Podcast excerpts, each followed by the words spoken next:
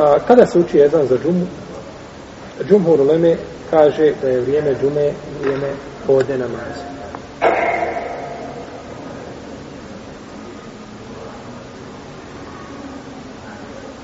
Pa zato kažu da najbolje da se uči ezan za džumu kada nastupi podnesko vrijeme.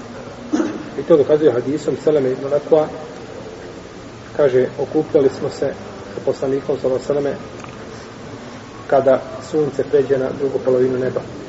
Kada znači bude u zenitu pa krene prema drugoj polovini neba. I hadisom i kaže Tuma nerđu met tebe al fej. Fej je onaj, onaj hlad koji ima kada je sunce u zenitu. Kada je sunce u zenitu, opet ima šta? Mali hlad. E to se zove fej. I hadis Enesa, da je poslanik sa osaname klanjao džumu, kada sunce pređe na drugu. Klanjao bi džumu, kada pređe sunce na drugu polovinu neba.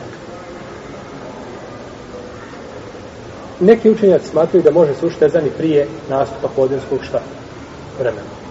Se može ušti ezan za džumu prije nastupa podinskog vremena.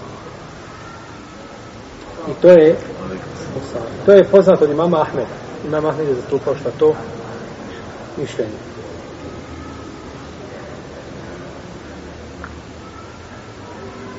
I on dokazuje sa ovim hadisma istim. Kaže ovdje, kaže vratili bi se sa džume i tražili fej. To je taj mali hlad. Znači da je još uvijek bilo šta? Sunce negdje u zemitu ili odmah postaje zemitu.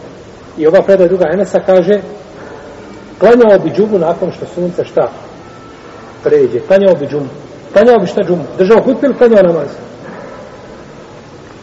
Kaže klanjao namaz. Da se kaže klanjao bi džumu. Džumu namaz. A ne mori se hutba. Pa je znači hutbu morao šta? Prije toga. Pa je ezan morao biti još prije toga. Pa je znači bio ezan prije čega? Prije zevala, prije nastupa, znači podinskog vremena. I to je došlo još jasnije u hadisu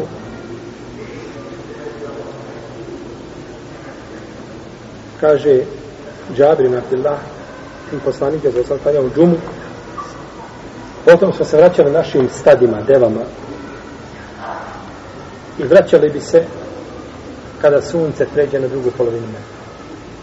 Znači da je već morala džuma i hutba i jezan biti šta prije prije toga. I došlo od skupine ashaba da su tako postupali kaže Ebu Rezin klanjali smo sa Alijom džumu, ponekad smo našli fej, a ponekad ga nismo našli. Znači, smo morali klanjati ako nađu fej, taj mali hlad, moramo se klanjati prije toga. Jer ne može se džuma klanjati za pet minuta, ili za deset, jel? Ezan, pa nakon toga je kutba, pa nakon toga namaz, pa znamo da je poslanik na namazu, samo se učio, ovaj, nekad sura džumua, nekad sura munafikun, na tako. Nekad je na, na Mimberi učio šta, suru? Kav.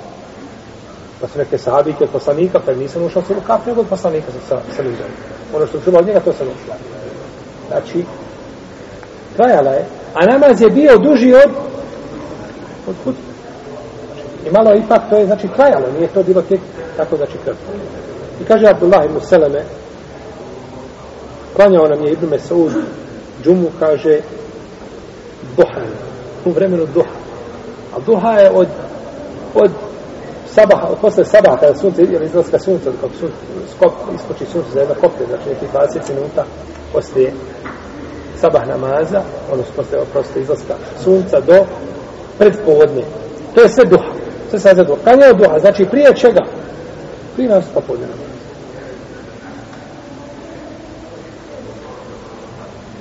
I prenosi se svog Amara, od Allahu Anu, da je panjao ljudima džumu, pa su se podijelili u dvije skupine. Jedni kažu, prešlo je sunce na drugu polinu, drugi kažu, nije. Ha? Tu negdje, na sredini. Znači, morao je namaz biti šta? Ranije, tako?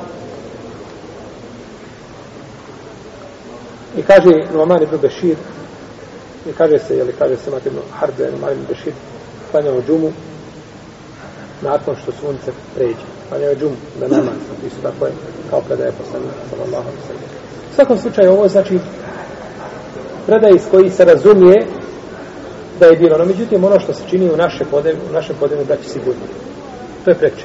Kada nastupi podne, kada je I tu nema razilaženja. Ko klanja u tom vremenu da je šta?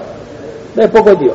I ako klanja šanije, upao se u jedno razilaženje koje je, kao što ovaj, budući da ne odgovara hanefijskom mesebu, znači nema ga potrebe preferirati kod nas i govoriti ovaj, nego ovo je znači sigurnije, ovo je ispravnije praktika. Ali kada bi neko praktikuje, kada bi se čovjek zatekao negdje, pa da ljudi pouče ezan, a, pa da možda imamo određen hutku prije zevala, neće zbog toga dizati prašenost, jer smatra da je njegov namaz neispravan.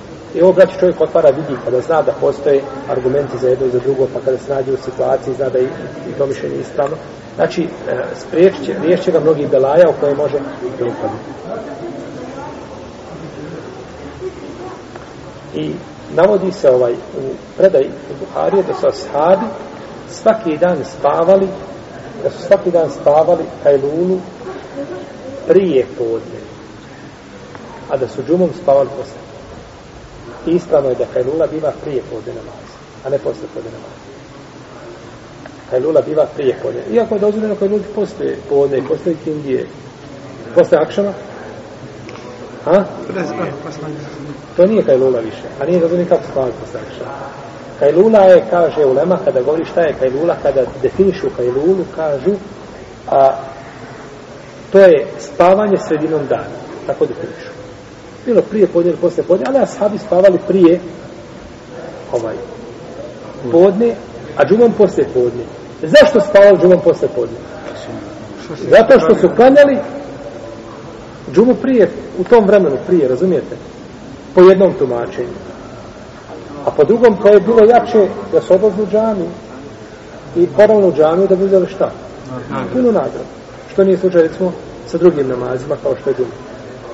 U svakom slučaju, kažemo da je ovo ispravno, međutim, ovo što se praktikuje u našem podjelju je sigurnije ispravno. I vraćamo, moramo uzmano sebi jednu, jednu, ovaj, jedno pravilo.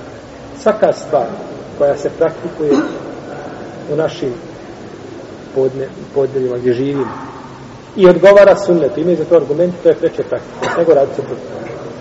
Jel u redu?